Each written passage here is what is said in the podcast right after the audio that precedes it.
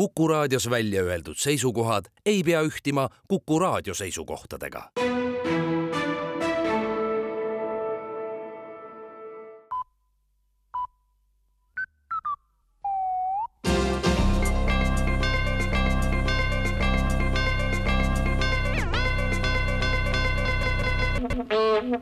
uudised on eetris ja stuudios Rohke Debelak valitsus on saatnud Riigikogule tutvumiseks seadusmuudatused, mis reguleerivad talumistasude maksmist. esmakordselt näeb seadus ette võimalust maksta inimestele talumistasu selle eest, et riigil selline valitsus on. olgu ametis ükskõik milline valitsus, alati on suur hulk inimesi, kes just seda valitsust ei talu või alguses arvas, et on täiesti talutav, aga elu näitas muud ja õiglases riigis peab kõige selle talumise inimesele ükskord ka kinni maksma talumistasu saaks sõltumata valitsusest alati umbes pool elanikkonnast ja usutavasti ei tule kunagi sellist valitsust, mis peaks maksma talumistasu kõikidele ja jääks veel puudugi, märgitakse eelnõu seletuskirjas. Talumistasude seadus laieneks ka enamatele talumistele, on palju inimesi, kes peavad taluma oma naist, meest, elukaaslast, naabrit, ülemust ja ei ole selle eest siiani mingit tasu saanud veel on valitsuses aga laual tulumaksuseaduse muutmise kava, mis näeb ette linnas ja maal elavatele inimestele erineva tulumaksu suuruse. kuna maal elavad inimesed saavad oma maksude eest üha tagasihoidlikumalt riigiteenuseid.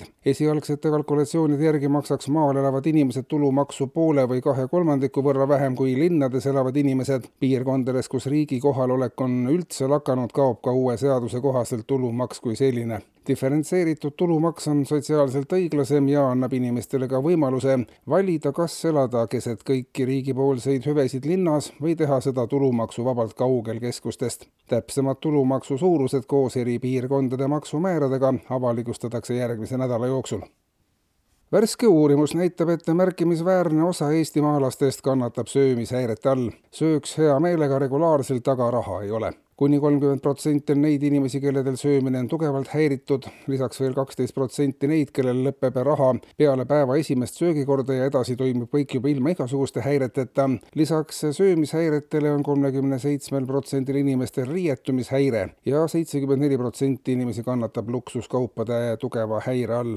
joomishäirete all ei kannata Eestis keegi. kõik, kes juua tahavad, selleks alati ka raha leiavad ja teaduse vallast rahvusvaheline teadlaste rühm, mis läinud aastal avastas aerofotode abil seni teadaolevalt suurimad eelajaloolise roomaja jäljed, on oma uuringutes teinud veelgi edusamme ja kinnitust leidis tõsiasi, et maailma ühed suuremad ökoloogilised jalajäljed on just Eesti aladelt pärit teadlasi algselt hämmastanud jalajälgede suurus viis nad eksiteele, sest viiehektarilise pindalaga jälgi polnud seni veel mitte kusagil avastatud. nüüdseks aga on kindlaks tehtud, et tegemist on praegu Kehtnas elava kolmekümne seitsme aastase Mati Kuusepi ökoloogiliste jalajälgedega, mis viisid Kaevu tänavalt poe juurde ja lõppesid poe taga, pärast mida jätkusid roomamisele viitavad jäljed, millede põhjal algselt roomaja jälgedeks leidu ka peeti. alles hiljem selgus, et eelajaloolise roomaja asemel oli tegemist tegemist kaasaegse roomajaga, kes roomas ainult teatud tundidel ööpäevas, ülejäänud ajal püüdis käia kahel jalal.